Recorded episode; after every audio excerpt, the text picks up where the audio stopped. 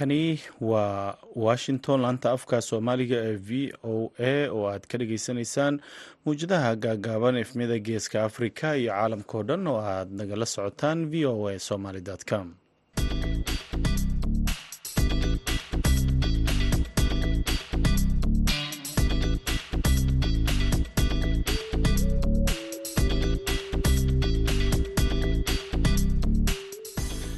duhur wanaagsan dhegaystayaal waa maalin khamiisa sagaal iyo tobanka bisha janaayo ee sanadka laba kun iyo saddex iyo labaatanka. Saacadda afrikada bari waa kowdii iyo barkii duhurnimo. Idaacadda duhurnimo ee barnaamijka dhallinyarada maantana waxaa idinla socodsiinaya anigoo ah cabdulqaadir maxamed samakaab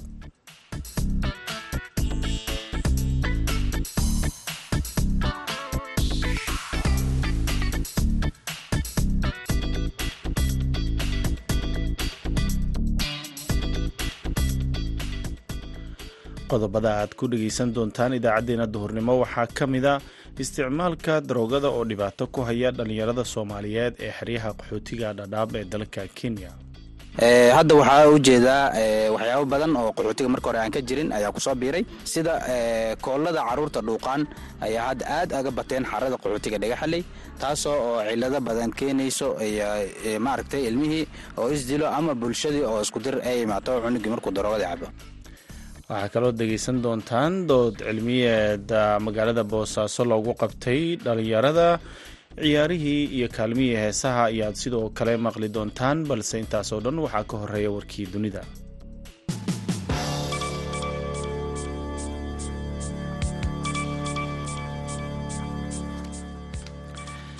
dowladda federaalk ee soomaaliya ayaa sheegtay inay dishay ugu yaraan sagaal iyo afartan ka mida maleeshiyada al-shabaab. Tiro kalena ay ku dhaawaceen kadib dagaal ka dhacay tuulada dhagaxow ee gobolka shabeellaha dhexe sida ay sheegtay warbaahinta dowladda.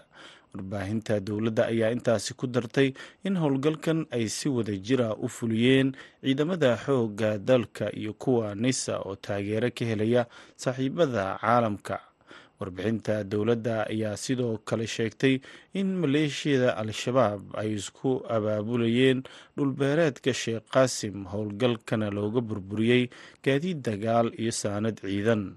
Khasaaraha dhinaca ciidanka dowladda ayay warbaahinta ku sheegtay inuu yahay hal askari oo dhintay iyo saddex dhaawac ah.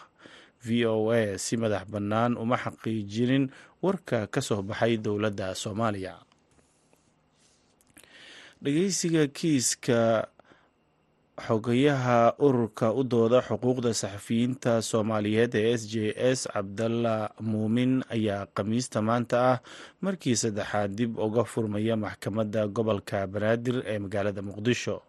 Ururka s j s ayaa qoraal uu soo saaray ku sheegay inay rajeynayaan in sarreynta sharciga uu shaqeeyo uuna cabdalle axmed muumin helo gar cadaalad ah islamarkaana xafiiska xiriiryaha guud ee suleymaan maxamuud ay ka dalbanayaan inuu eediisa dib ula noqdo. Ilaa iyo inta ay bilaabatay dhegeysiga kiiskan dowladda soomaaliya kama hadlin dacwadda cabdalla axmed muumin.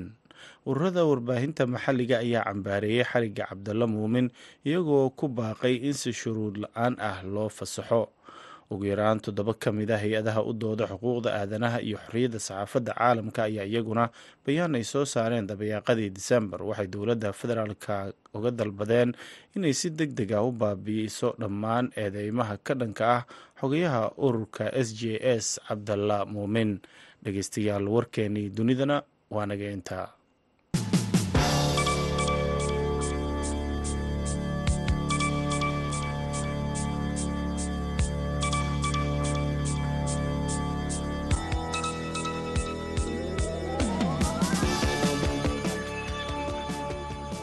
halka aad warkaasi ka dhageysanayseen waa idaacadda v o a oo idinkaga imaaneysa washington. Duhur wanaagsan mar kale dhegeystayaal dhalinyarada isticmaasha daroogada gaar ahaan koolada ama xabagta ayaa ku soo badanaya xeryaha qaxootiga dhadhaab ee dalka kenya taasoo saameyn mustaqbal ku yeelan karta bulshada qaxootiga ee xeryahaasi. Haashim shire daahir oo ka mid a dhalinyarada xeryaha ayaa v o eda uga waramay dadaalada ay uga hortegayaan saameynta muqaadaraadka. Waxa uu waramay wariyaha v o eda cabdisalaan axmed salas waa tahay n haashim waxaa maalmihii la soo dhaafay aad waday olole aad dabcan uga hortegayso isticmaalka muqaadaraadka oo xeryaha ku soo batay. Waa maxay caqabada daraagiska oo ku haya bulshada qaxootiga ah? Cabsalan saad og tahayba horta drags markii la dhaho ama daroogo la dhaho mar walaba caqabala-aan ma aha oo maaragtay cillad wuu leeyahay weliba cillad aad u bilaaran ayuu ku leeyahay bulshada qaxootiga ama dadka danyarta ah. Ama haba noqoto qofkii wax haastaba. Maalan hadda dragska uu kala yahay. Hadda waxaa u jeedaa badan oo qaxootiga marka hore aan ka jirin ayaa ku soo biiray. Sida koollada carruurta dhuuqaan ayaa hadda aad aga bateen xarada qaxootiga dhagaxaley taasoo oo cillado badan keenayso maaragtay ilmihii oo isdilo ama bulshadii oo iskudir ay imaato cunugii markuu daroogada cabo waa tahay haashim sidaan la socdo isticmaalkan koollada inta badan xeryaha lagama aqoon. Maxay tahay sababta haatan carruurta qaxootiga bartay inay isticmaalaan koollada ama xabagta? Cabsalan waa wax horta nagu cusub. Marka hore maysan jirin. Qaxootiga waagi hore waxaa laga isticmaali jiray qaadka iyo sigaarka iyo sida balwadaha nooca oo maaragtay qamriga iyo waxyaaba noocaas meelo lagu gadana way jireen. Laakiin middan koollada ah way nagu cusub tahay. Taasi waxaan u malaynaya inay keentay dad cusub oo qaxootiga ku soo biiray ay jiraan marka koowaad iyo shaqala-aan dhacday oo xagga bulshadii ardadii ilmihii yaryara oo ayagana waxbarasho la'aan ee ku dhacday waalidiintii oo ayagana maaragtay aan shaqo haynin dhalinyaradii oo ayagana shaqala-aan ee ku dhacday inay ku qasabtay kooladan inay cabaan si ay ayaga nafsadooda been ugu sheegaan inay cunto cunayeen camal ay ka dhigtaan waa tahay haddii aan ka eegno dhanka waxbarashada saamaynta is leedahay sababteeda ayay qayb ka tahay maxay tahay? Cabsalan tan waxbarashada waxaa jirta owal waxaa jira iskuulle free ah bulshada dhallinyarada ay baran jireen ilmaha yaryar iskuulle free bay dhigan jireen. Hadda cid waliba oo waxoogaa yar ama lacag yaroo kuusan haysataba laba guryo jiingada meel ku dhisatay iskuul brivate la dhahayay furteen oo lacag ah. Dadkina ma agoodaan midaas ayagoon iska bixin karin. Ilmihii waalidkiisa meel uu diraya male iskuulladii fariiga ah macalimiinta ayagana mishaar fiican ma qaataan cunug waxa ma bari hayaan kii maaragta lacagta ahaana qofkii lacag uu ku geysta ma haysto cunug waxay danta ku qasbaysaa inuu dhexda ka baxo waalidkiina iskuul uu diro asagana iskuulka u aadin oo dhexduu ka baxo kooladana sidaa uu ku cabo. Waa tahay mujtamaca qaxootiga arrintan inay ka hortagaan gaar ahaan waalidiinta. Maxaa diiday maadaama ay yihiin ubadkoodii? Cabsalan horta waalidka door muhiimuu ku lahaa laakiin ma ka hortegin arrintan. Wax waalido hadda u ololaynayaan ma arkin culummada oo kale ayagana wax ololeyn ama maaragta wacyigelin ay ka suubinayan ma arkahayno waalidiinta ayaga tabar iyaaba meel dhigtay oo haddee qofkii nolol maalmeedkii maanta dhan ku maqan yahay cunugii inuu dabagelina laga yaabaa. Dadkii mas'uuliyiintii ama xarada hogaaminayay ama maaragtay culummada ahaa nin walba shaatigiisu dhaqtay dan kama gelin caruurtan yaryar ee koollada ku dhammaanayso. Berina markuu cunuga koollada cabo wuxuu ku qasbaya ninkaa maaragta wadaadka ama macalinka ah gurigiisa adiga shaatigaada ku dhaqanya gurigaadu imaanaya wuu dhacaya. Hadhowna dhib ayuu ku suubina cunuga ama gacantadu ku dhimana asagaa gacanta dadii kale dadku dilaya. Marka taasi aa jirta. Laamaha amniga arrintan mala wadaagteen si xal loogu helo? Marka laga tago bulshada qaybaheeda kale. Maya cabsalan bulshada mana nala wadaagin. Amnigana wax la wadaaga ma lahan. Laakiin way fiicnaan lahayd in dadka xarada hogaamiyo ama liidaska ama culummada ama waalidiinta intay israacaan inay dhahaan kolley hadda inta ilmaha kooladan aad u cabo waa ilmo yaroo kooban oo wax ladaba maaragta la soo xiri karo.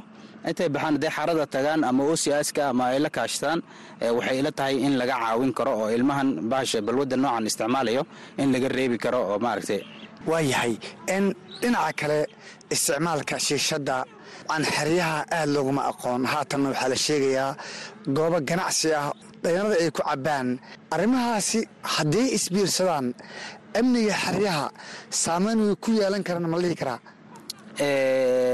Salasa way ku yeelan karaan. Qofka mar hadduu qofka mar hadduu isticmaalo balwad ama shiishad ha noqoto ama koolla ha noqoto ama qamriga ha noqto ama qaadka laftirkiisa oo kaniini lagu daro qofka maalan wuxuu gaaraya hir asaga u ahayn ayuu iska dhigayaa. Waxba laga yaaba inuu ku arko adiga inaad tahay quraanjo asagana maroodi uu yahay. Marka qofka biniaadanka heeru asaga lehnu gaaraya midda iyada cilad weynay keenaysaa ma ahane weli waxyaabaha maalin kasta dhaco dilka hadda ayaan dhexdaas waxaa dhacday inuu nin ilaa iyo dhowr qof tuurir ku dhuftay marka ninkaas oo marka inuu balwad isticmaalaya la sheegay. Marka balwadaha noocaas oo kale waxaa kaloo nagu soo batay oon kaa ilooyey cabsalan niman ajaanib ah ma maaragtay maarag dad ajaanib ah sida mukaambada oo kale ayaa waxay furteen meele hoteella ay ku gadaan qamriga iyo maaragtay buunshada laga suubiyo iyo waxan waxaasna maaragtay xarada waxay u keenaysaa amni darro ayadana taasna cillad ayay noo keentay mid ayada kaasi waxa uu ahaa haashim jire daahir oo u waramayay wariyaha v o eda ee xeryaha dhadhaab cabdisalaan axmed salas. Markana dhegeystayaal waxaad ku soo dhowaataan kaalmihii heesaha aan soo qabto. Mid ka mid a heesaha uu ku luqeeya cabdicasiis iskalaaji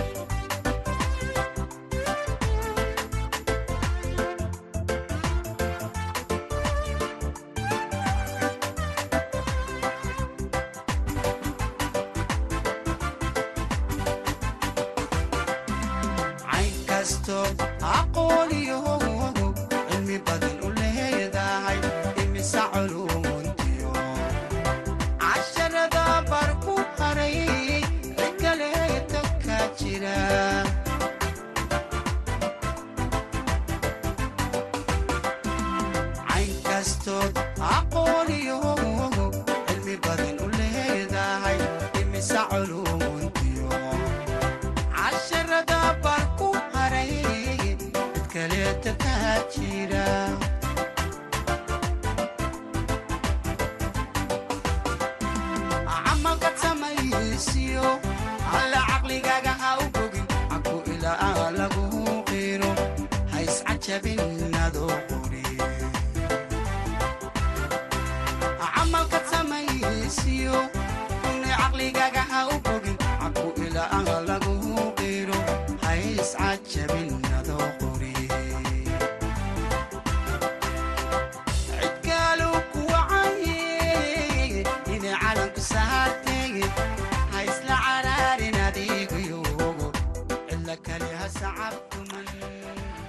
Intaasaan ku dhaafno heestii cidla keli sacabka hatuman iyo codkii cabdicasiis kalaaji. Markana puntland dalladda ururada bulshada rayidka ee buunsa ayaa magaalada boosaaso ku qabtay dood cilmiyeed ku saabsan dimuqraadiyadda iyo dhalinyarada iyo sida ay isugu diiwaan gelin lahaayeen codbixinta doorashooyinka puntland. Wariyaha v o eda yuusuf maxamuud yuusuf ayaa warbixintan ka soo diray magaalada boosaaso kulankan oo magaalada boosaaso ay ku qabatay dalladda bulshada rayidka ah ee bunsa ayaa ujeedkiisu waxa uu ahaa dood cilmiyeed ku saabsan dimuquraadiyadda gaar ahaan isdiiwaangelinta ka socota gobollada bari karkaari iyo gardafow inta ay socotay doodan waxaa looga hadlayay faa'iidooyinka iyo saameynta ay ku yeelatay dhinacyada dhaqaalaha waxbarashada dood cilmiyeedkan oo qayb ka ahayd su'aalo weydiino iyo jawaabis ku aadan fahamka dimuquraadiyadda curdunka ah ee puntland ka hana qaaday. Guddoomiyaha dalladda aan dawliga ahayn ee bunsa cabdiraxmaan cabdirasaaq cabdiraxmaan ayaa ugu horreyntii ka hadlay dood cilmiyeedkan uu soo qabanqaabiyey xafiskiisa bunsa ahaan dabcan annaga roolka aan ku leenahay hadda diiwaangelintu waa observation. Waxaan kormeer hadda ku nahay qaabka tabik ay u wado diiwaangelinta. Timan baa jira iyagoo hadda korjoogtooyin ku sameeya doorashada ee muxuu ahay diiwaangelinta meelahay ka socoto waxay booqdaan seejooyinka waxayna aruuriyaan warbixinada kala duwan ee ku tacalluqa isdiiwaangelinta hannaankay u socoto. Bulshada rayid ahaan runtii waxaan is oo aan isweydiinaynaa wacyigelinta ku aadan isdiiwaangelintu heerkii loo baahnaa ma joogtaa. Waxaa laga yaabaa inay xan tahay oo sideedaba bulshada rayidka ahi waa in codkeeda u dheeryahay codkeedu maaha cod xan ah oo hoos u hadla waxaan rabnaa codka bulshada inuu kor u muuqdo oo ay dowladdu maqasho oo ururka kumeelgaarka iyo doorashooyinka ay maqlaan in dadka daneeyaasha ah ee iyagu daneeya arrimaha soomaaliya ama daneeya dimuqraisationka inay maqlaan bulshada waxay ku hadlayaan. Marka waxaan rabnaa horta inaan isweydiino runtii isdiiwaangelintan iyo waxyaabaha ku hareeraysan ama ku geedaaman iyo dhaliilaha ay yeelan karto sidaasaa marka kulankan caawa maadaama aynu bulshadii nahay ma ahan kulan hay'ad maalgelinayso waa kulan isxilqaan islamarkaana bulshada isugu timid qaybaheeda kala duwan oo marka ay arintaas kaga arinsanayaan oo wax badan iska weydiinayaan hanaanka doorashooyinkuna runtii iyadana waa muhiim inaan tilmaamno in uu muhiim u yahay horumarka bulshadu ay teegsanayso islamarkaana u baahan tahay inay nolosheeda qaybaha kala duwan ay isbeddel ku samayso. Waxaa iyadana muhiima isbeddelka aan rabno ee la xiriira doorashooyinkan iyo brograamkan demoralizationka. Dhinaca kale xogayaha guud ee guddiga ku-meelgaarka ee doorashooyinka puntland ee tibik ubax abshir cabdulaahi ayaa saluugtay diiwaangelinta boosaaso ka socota waxayna sheegtay inaanan la gaarin meeshii loogu talagalay. Inkastoo dadka isdiiwaangelinaya ay yartahay maxaa sababay marka aad bay u yartahay boosaaso oo ah hooyadii puntland ee ah magaaladii ganacsiga magaaladii xadaaradda magaaladii aan ku nool yihiin dad ka badan malyan oo haddana la sugayay inay iska diiwaangeliyaan intooda badan. Waxaan dareemaynaa dadka isdiiwaangeliyey inay u badnaayeen dhallinyarada iyo jaamacadaha waana ku mahadsan yihiin sida ay u muujiyeen ama u fahamkooda u sareeyo oo ah maaragtay inay maaragtay doortaan deegaankooda ciddii masiirkooda ka talinaya inta loo magacaabi lahaa ayagu ay la soo baxaan. Qofka ay isleeyihiin maaragtay boosaaso maanta waa mudan yahay ama gobolka bari waa mudan yahay inuu maaragtay maamulo ama hogaamiyo ama danahooda ka shaqeeyo. Saddex maxaa la dhahaa meelood meel aa isdiiwaangelis waa ka xumaynaa iraahdo. Laakiin waa xaqiiq. Boosaaso dadka waxaan is leeyahay dad badan waxay isku dhiganaya maalinta ugu dambeysa iyo dambe waqti badan baa haraye bal shalay guddoomiyaha wuxuu sheegay inuu dhowr beri lagu daray diiwaangelinta. Waxa harayna waa wax yar. Marka waxaan is leeyahay qofnana yuu gadaal isku dhigino bal horta ha soo baxo dadka ha isdiiwaangeliyaan qaar ka mid a aqoon-yahankii ka qaybgalaya dood cilmiyeedkan ku saabsan dimuqraadiyadda iyo fahamkiisa ayaa waxa ay ka hadleen caqabadaha iyo weliba faa'iidooyinka bulshada ay ka dhaxleen isdiiwaangelintan socota. Markii la fiirsho dhaqaalaha saamaynta ku yeeshay degmadan ama wadankan ama gobolkan aan joogno ganacsiyadii magaalada ku yaalay aad bay dabcan isu bedeleen oo tusaale waxa ah hoteelada hadda haddaa fiiriso intooda badan la heli maayo hal sbace oo meel ka bannaan hadday noqoto xafladaha hadday noqoto hoolal kale isticmaal hadday noqoto qolalkaba datmins ganacsigii isna aad buu dabcan u koray. Marka saamayn weyn xagga dhaqaalaha waxa mudda inuu ku leeyahay. Haddii la fiirsho shirkadaha adeegyada bixiya ha noqoto shirkadaha transportationka bixiya waxaan ognahay intii doorashada ee socotay election registrationku in intaas oo gaadiid magaaladan iyo degaankaba laga kireeyey dadkuna ay ka faa'idaysteen dhallinyaro wadan ay ka faa'iidaysteen dadka leh baabuurtana dabcan ay ka faa'iideen. Isdiiwaangelintii waxaan aad iyo aada uga welwelay. Caruurtii shanta sano ka yaray hooyadii dhaqmaadka ahayd oan ku xisaabtami jirnay inaanu ku helno haddaanu nahay puntlandba boosaaso markaan ka gudbo haddeen hooyooyinkii iyo isdiiwaan gelin. In bobulationkii uu hoos u dhacaayo caafimaadkeenana hoos u dhacaayo. Waayo hay'adihii iyo dowladeen wax la qaybsanaa dalbeen wax la qaybsanaa. Waxaa laga yaabaa muxuu ahaay waxyaalahaas inaynan waxaynu heli jirnay inay hoos u dhacdo. Marka waxyaalaha welwelka saa'idka igu dhaliyay waxay ahayd markii ilaa saddexdan beri lalahaa dadkii waa tiradu waa yar tahay. Weli intaa ma gaarin taargetkii la rabay lama gaarin. Muxuu ahaayey dee dadka waaweynaa way dadka hadda isdiiwaan gelinaya. Marka dhaqaalihii hoos buu dhacaya caafimaadkiina hoos buu dhacaya. Sidoo kale dadka doonarka waxayna siiyaa way fiirsanayaan waxay leeyihiin meeshaan dadba ma jooga maxaa laga caafimaad ahaan maxaaba looga daaweynaya daawooyinka waa lagugu yareynaya cisitaalladu waa yaraanayaan imseejyadu waa yaraanayaan adeega bulshada dhan uu yaraanaya hoos buu dhacaya marka anigu waxaan qabaa bulshada in la wacyigeliyo oo la isdiiwaan geliyo. Intayna ka maqan sawirka ka baxaya boosaaso mas'uul baan ka nahay waa collective responsibility. Horta waynaan qaadanaa. Wixii khaldameen way khaldameen hadda waxaa xal ah arintaa in wax laga qabto. Innaga waxayna saare inaan guryaheeni tagno qofka aan isqoro inuu isqoro haddii hadhow sawirkaasi baxdo hor ilaahay iyo adduunkaba mas'uul baan ka nahay. Hadda tusaale ahaan soomaaliya saddex milyan baa lagu qiyaasay. Waqti fog rikoord dambe lagama samayn soomaaliya.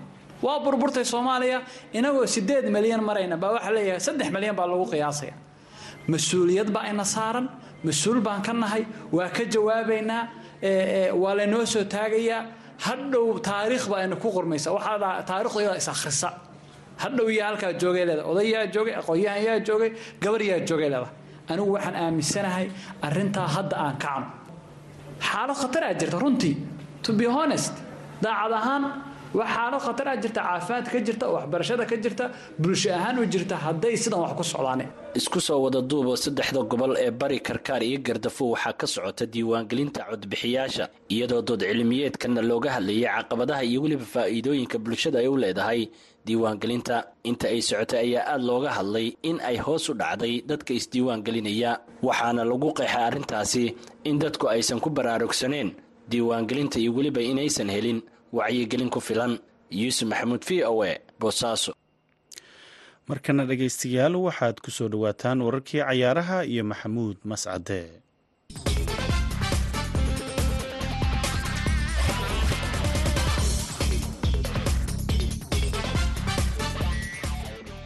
Kulan wanaagsan dhegaystayaal dhammaantiinba kuna soo dhowaada xubinta ciyaaraha aan ku bilaabay ee horyaalka waddanka ingiriiska kooxaha kubadda cagta ee manchester city iyo tottenham hatisba ayaa caawa goor dambe ku kulmaya. Gegida itixaad stadium ee magaalada manchester. Labadan kooxood ayaa toddobaadkii hore soo dhadhamiyey guuldarro xanuun badan oo koox waliba waa laga soo adkaaday manchester city oo booqatay gegida oltravord ee kooxda kubadda cagta ee manchester united ay ku ciyaarto ayaa laba gool iyo hal la soo laqsiyey waxaana ay garoonkaasi ka soo baxday iyadoo horyaalka waddanka ingiriiska dhibcihii ay doonaysay inay arsenaal ugu soo dhowaato ay meesha ka baxeen halka kooxda kubadda cagta arsenaalna ay fursadaasi ka faa'iidaysatay oo tottenham hatsba ay laba gool iyo waxba ku soo garaacday hadda labadan kooxood oo caraysan mid walibaahay ay doonayso saddex dhibcood ayaana caawa fooda isdari doonaa. Macalinka kooxda kubadda cagta ee manchester city beb guardiola oo warbaahinta hore ula hadlay waxa uu sheegay in xilli ciyaareedkan ay ku adkaan doonto kooxdiisu hanashada horyaalka waddanka ingiriiska haddii aanay wax ka bedelinin qaabka ay u ciyaarayso. Halka tababare conti dabaraha kooxda kubadda cagta ee tottenham hatsba uu laftiisu aada u dareensan yahay in kooxdiisu heerka ay joogto aanay ciyaartooyda ay haysato uga bixi karin. Marar badanna waxa uu ku celceliyey xidigaha kooxdiisu inaanay ku filnayn in ay meel wanaagsan gaarsiiyaan tottenham hatsba haddaba caawa waxaa la isweydiinayaa kooxaha kubadda cagta ee tottenham hatsba iyo manchester city. Tuma ayaa saddex dhibcood qaadan doonta inkastoo manchester city oo gurigeeda lagu dheelayo ay saadaashu tahay in ay koobkan ay kulankan badin doonto inkastoo ciyaaryahan kevin debroyne uu kooxda dhaawaca kaga maqanya kulamada kale caawa dhacay waxaa ka mid ah copa del rey waxaa ku kulmaya kooxaha kubadda cagta ee valerial iyo real madrid. Oo horyaalka waddanka sbain kooxda kubadda cagta ee real madrid laga soo adkaaday markii ugu dambeysay oo labadan kooxood wada ciyaaraan. Haddaba caawa valerial oo gurigeeda ku ciyaaraysa real madrid koobkan ma ka saari doontaa ayaa dad badan isweydiinaya kooxda queta oo ka mid ah kooxaha heerka hoose ee waddanka sbain ayaa iyadana barcelona soo dhaweynaysa habeenkii xalay haase waxaa xusid mudan kooxda kubadda cagta ee manchester united oo dardar ku socotay maalmahan calankeeduna uu babanayay cagta ciida loo dhigay oo kooxda kubadda cagta ee crystal palace ay hal iyo hal barbara ah ku celisay. Waxaana kooxda kubadda cagta ee manchester city oo gool la hormartay sagaashankii daqiiqo ciyaarta oo weliba kuwa dheeriya lagu daray la bareejiyey halkaasina ay hal iyo hal crystal palace iyo manchester united ku kala baxeen. Kooxda kubadda cagta ee manchester united oo kulamadii hore soo guulaysatay shan kulan oo xidhiira oo horyaalka waddanka ingiriiska ayay uga dhignayd habeenkii xalay. Barbarihii ay gashay guuldaro oo kale. Waayo waxaa sidoo kale ciyaarta calaamada jaalaha loo taagay ciyaaryahan kashamiro oo kulanka toddobaadkan soo socda kooxda kubadda cagta arsenal manchester united ay booqan doonto uu xidigaasi oo kooxda lafdhabar u ah. Ka maqnaan doono leeds united shan gool iyo laba. Waxay koobka f a kaabka kaga saartay kooxda cardiff city ac milan iyo inter milan oo super kaab ciyaarayna. Kooxda kubadda cagta inter milan ayaa saddex gool iyo waxba ku guulaysatay oo koobkaasi hanatay dhegeystayaal xubinta ciyaaraynta ayaan ku soo gabagabaynaya tan iyo kulan dambe waa mascade oo idinku dhaafaya sidaa iyo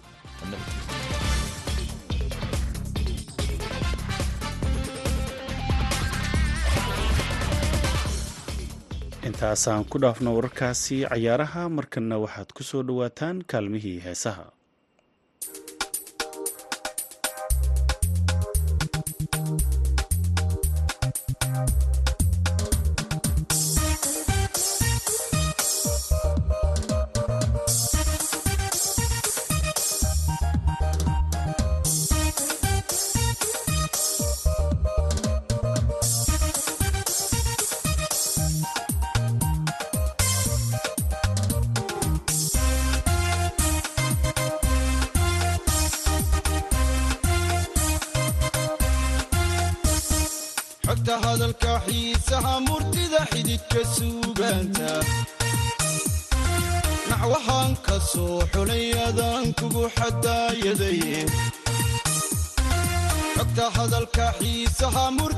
murtida xididka suugaanta naxwahaan ka soo xulay adaan kugu xadaayadaye waana gaari xiilkeed inaan kugu xariiraay xogta hadalka xiisaha murtida xididka suugaanta naxwahaan ka soo xulay adaan kugu xadaayadaye xogta hadalka xiisaha murtida xididka suugaanta naxwahaan ka soo xulay adaan kugu xadaayadaye waana gaari xiilkeed inaan kugu xariiraay xilkasnimo allah kuu dhashiyo garasha xeel dheere. Sida xuurar cayntii jannada lala xayaaday xafiday xasiliyay naftaad xiise gelisay. Xilkasnimo allah kuu dhashiyo garasha xeel dheere. Sida xuurar cayntii jannada lala xayaaday xafiday xasiliyay naftaad xiise gelisay kabtan aan xajiiniyo lahayn weedh ku xaganaysaa oo rul xalaalaysay baad ku xaragootaay qalbi xaadhan baad leedihiyo laab xaruuriyahe nageenyaalay alla geenya ugubay naftaad xiise gelisaay naftan aan xajiiniyo lahayn weedh ku xaganaysaa oo runi xalaalaysay baad ku xaragootaay qalbi xaadhan baad leedihiyo laab xaruuriyahe nageenyaalayey alla geenya ugubay naftaad xiise gelisaay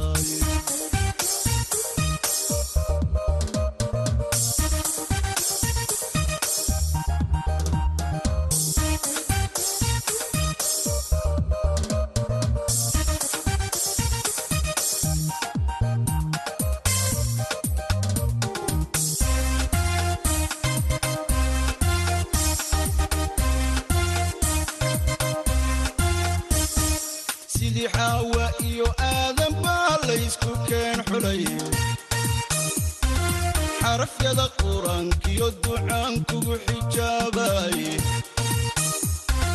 sidii xaawa iyo aadan baa laysku keen xulaye xarafyada qur'aankiyo ducaan kugu xijaabaye kuxantiyay ilaahii xukumay xulashadaadii